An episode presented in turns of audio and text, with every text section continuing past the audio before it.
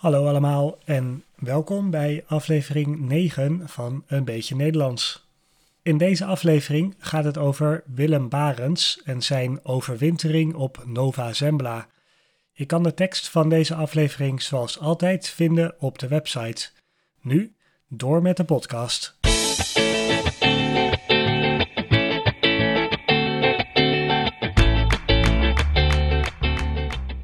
Willem Barens is een bekend historisch figuur in Nederland.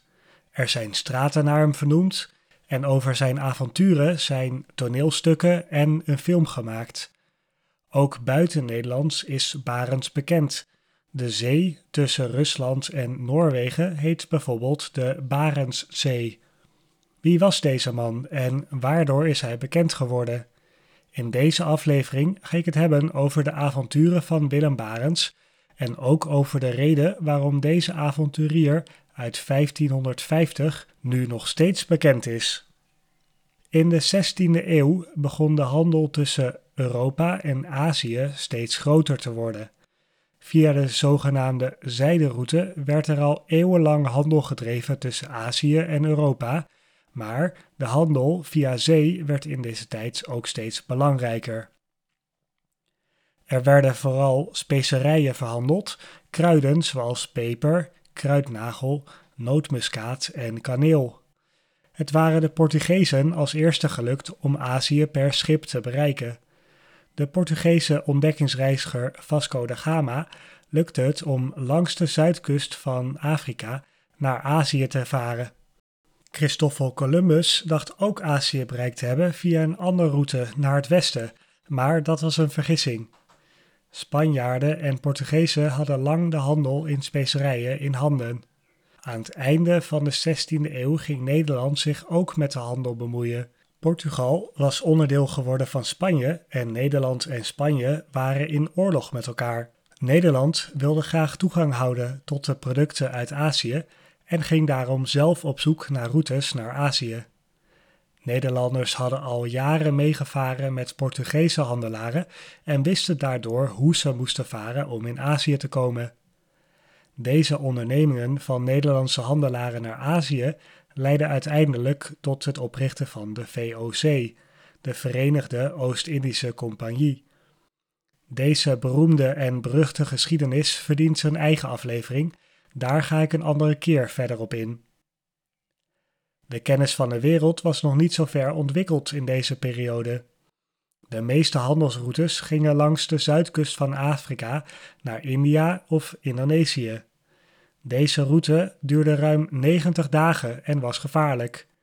Niet alleen vanwege de Spaanse en Portugese schepen waarmee Nederland in oorlog was, maar ook vanwege ziektes zoals scheurbuik. Scheurbuik is een ziekte die je krijgt bij langdurig tekort aan vitamine C. De gevolgen van scheurbuik zijn naar. Na een tijdje vallen je tanden ervan uit. De zoektocht naar alternatieve routes naar Azië was in volle gang. Columbus probeerde het naar het westen, de standaardroute ging via het zuiden. Een andere mogelijke route naar Azië zou er misschien zijn via het noorden. Dit werd de Noordelijke Doorvaart genoemd. En hier begint het verhaal van Barents. Over het leven van Willem Barents voor zijn ontdekkingsreizen is niet zoveel bekend. Barents is geboren op het Waddeneiland Terschelling rond het jaar 1550. Waarschijnlijk heeft hij vooral als handelaar gewerkt in zijn leven. Hij werd later in zijn leven ook kaartenmaker, vooral rond Spanje en de Middellandse Zee. Van het gebied rond Gibraltar heeft Barents een voor die tijd goede en nauwkeurige kaart gemaakt. Misschien heeft dat ervoor gezorgd dat toen er een expeditie georganiseerd werd om de nieuwe route naar China te vinden, Barents gevraagd werd om de tochten te leiden. De eerste ontdekkingsreis was redelijk succesvol.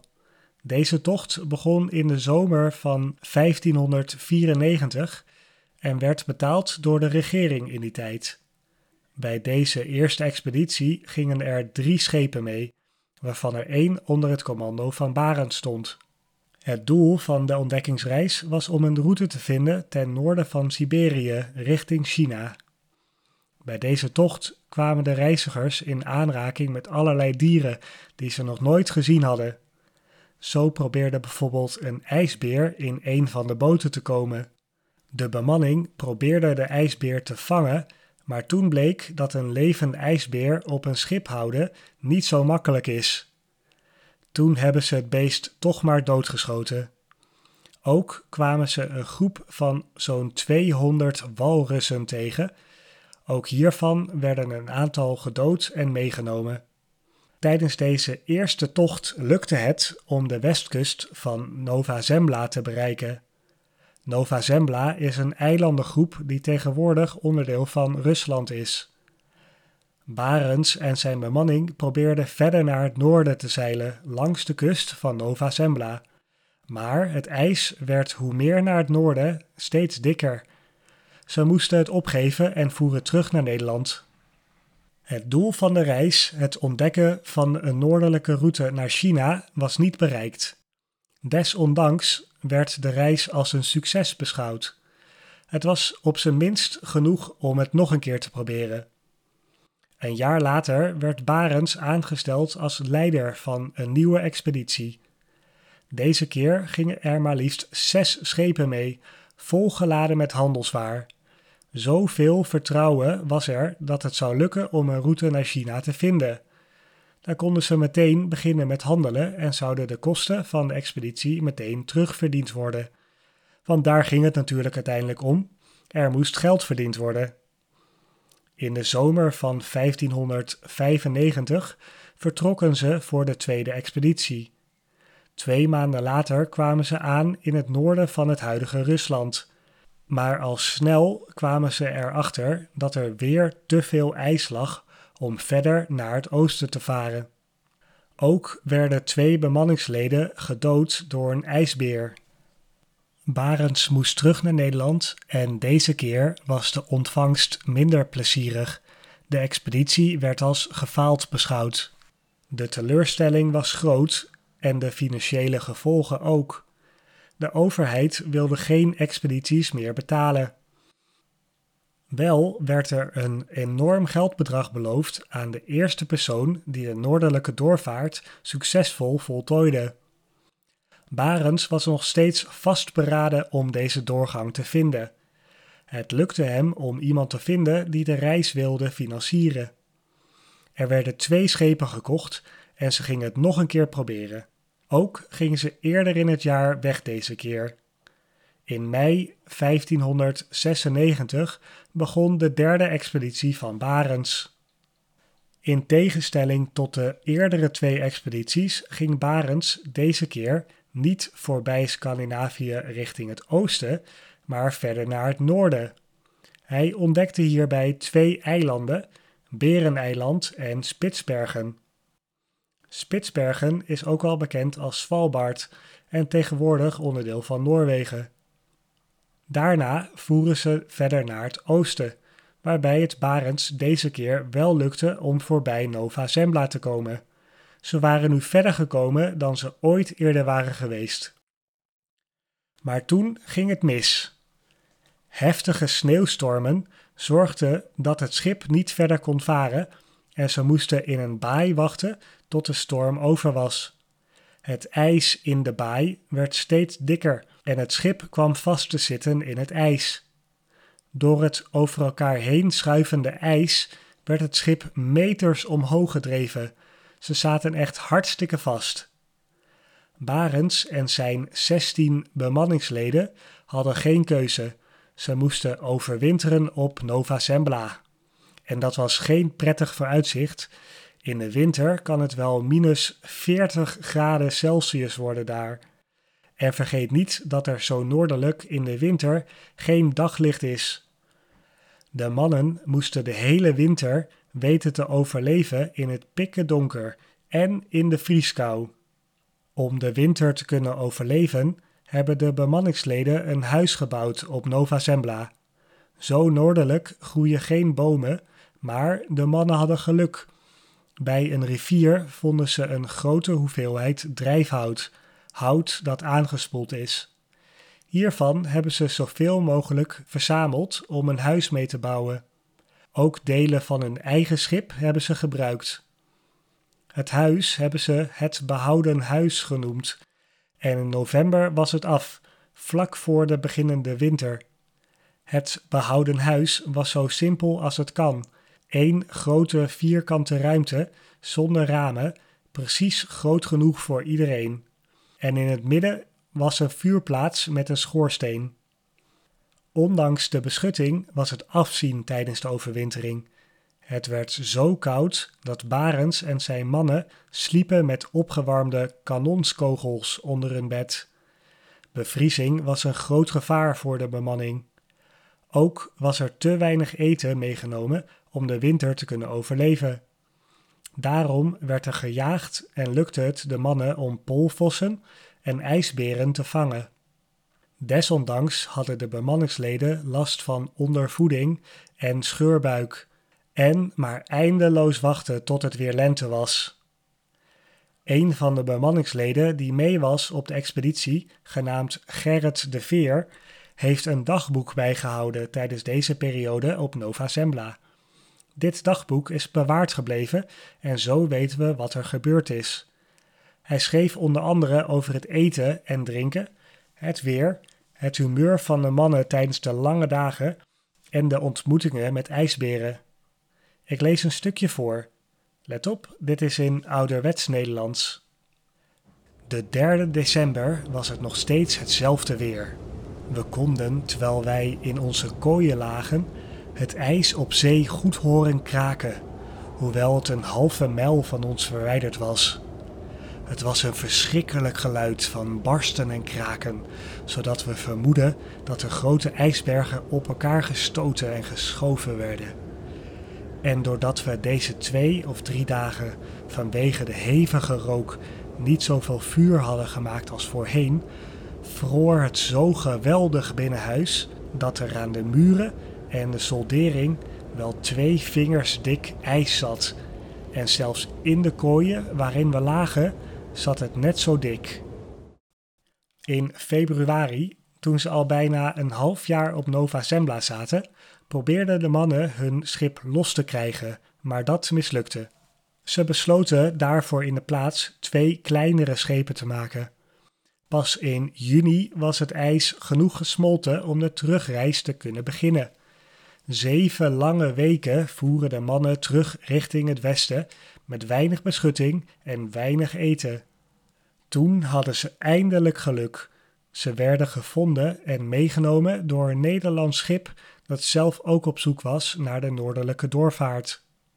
Het is Willem Barens niet gelukt om een noordelijke doorvaart te vinden naar China. En zelf overleefde hij de terugweg van de derde expeditie niet. Hij overleed onderweg op zee. Uiteindelijk zijn maar 12 van de 17 bemanningsleden weer terug in Nederland aangekomen. Zo kan je de expedities van Barents moeilijk een succes noemen. Maar voor Nederland was het niet zo erg. Via de route langs Zuid-Afrika konden Nederlanders alsnog Azië bereiken. En in het Arktisch gebied werd aan het begin van de 17e eeuw door Nederlanders erg veel gejaagd op walvissen, waar ook veel geld mee verdiend is. De noordelijke doorvaart was in de tijd van Barents niet bruikbaar vanwege het vele ijs rond de Noordpool. Tegenwoordig kunnen er door ijsbrekers te gebruiken wel een aantal weken per jaar deze route gebruikt worden. IJsbrekers zijn speciale schepen die het ijs kapot varen. Wetenschappers denken dat in de toekomst het misschien mogelijk is om de noordelijke doorvaart meer te kunnen gebruiken. Helaas vanwege een trieste reden, namelijk de opwarming van de aarde, zorgt ervoor dat er steeds minder ijs ligt rond de Noordpool. Je kan je afvragen waarom Willem Barents eigenlijk zo'n bekende naam is in Nederland. Alle drie zijn expedities zijn namelijk mislukt. Waarom wordt hij dan gezien als een belangrijk historisch figuur? Door sommigen wordt hij zelfs een zeeheld genoemd, net zoals bijvoorbeeld de beroemde kapitein Michiel de Ruiter. Om dat te snappen moeten we eerst een stukje terug in de tijd, naar het begin van de 19e eeuw. Van 1794 tot 1814 was Nederland niet onafhankelijk, maar onderdeel van het Franse Rijk van keizer Napoleon. Pas nadat Napoleon verslagen was, werd Nederland weer een onafhankelijk land. Op het moment dat Nederland weer onafhankelijk werd, moest de nationale identiteit van Nederland opnieuw uitgevonden worden. Wat voor een volk zijn we als Nederlanders? Wie zijn onze helden, etc. Voor een nieuw en nog instabiel land is het erg belangrijk om helden te hebben, personen om trots op te zijn. Dat geeft iedereen het gevoel onderdeel te zijn van dezelfde groep met een belangrijke geschiedenis. En het inspireert de bevolking zelf tot grootse daden. Willem Barents was in deze tijd eigenlijk alweer vergeten. Tot er in 1819 een gedicht geschreven werd over Barents, waardoor hij weer in de belangstelling kwam te staan. Dit gedicht werd geschreven door Hendrik Tollens, die in deze tijd een heel populaire dichter was. In dit gedicht werd Willem Barents als een held omschreven, iemand waarop alle Nederlanders trots kunnen zijn. In het gedicht waren de historische feiten niet zo heel belangrijk. Het doel was om Barens op een voetstuk te plaatsen. Op een voetstuk plaatsen betekent iemand ophemelen, zodat andere mensen iemand gaan bewonderen. De gebeurtenissen op Nova Zembla werden wel een beetje overdreven in het gedicht, alsof Barens met zijn blote handen tegen de ijsberen vocht. En Barends was volgens het gedicht niet alleen een held en inspirerende kapitein, maar ook nog eens een goede christen. Dat wilden de mensen in de 19e eeuw al helemaal graag horen. Dankzij dit gedicht van Tollens kennen we nu Barends nog steeds en hij is onderdeel van de Nederlandse geschiedenis. En daarmee kom ik tot een einde van deze aflevering. Hartelijk dank voor het luisteren. Vond je het een interessante aflevering? Deel hem dan alsjeblieft met je vrienden, familie of collega's. Of deel de podcast bijvoorbeeld op Instagram. Dan kunnen anderen ook de podcast ontdekken en dat zou ik heel leuk vinden. Ik hoop dat je een beetje Nederlands geleerd hebt en tot de volgende keer.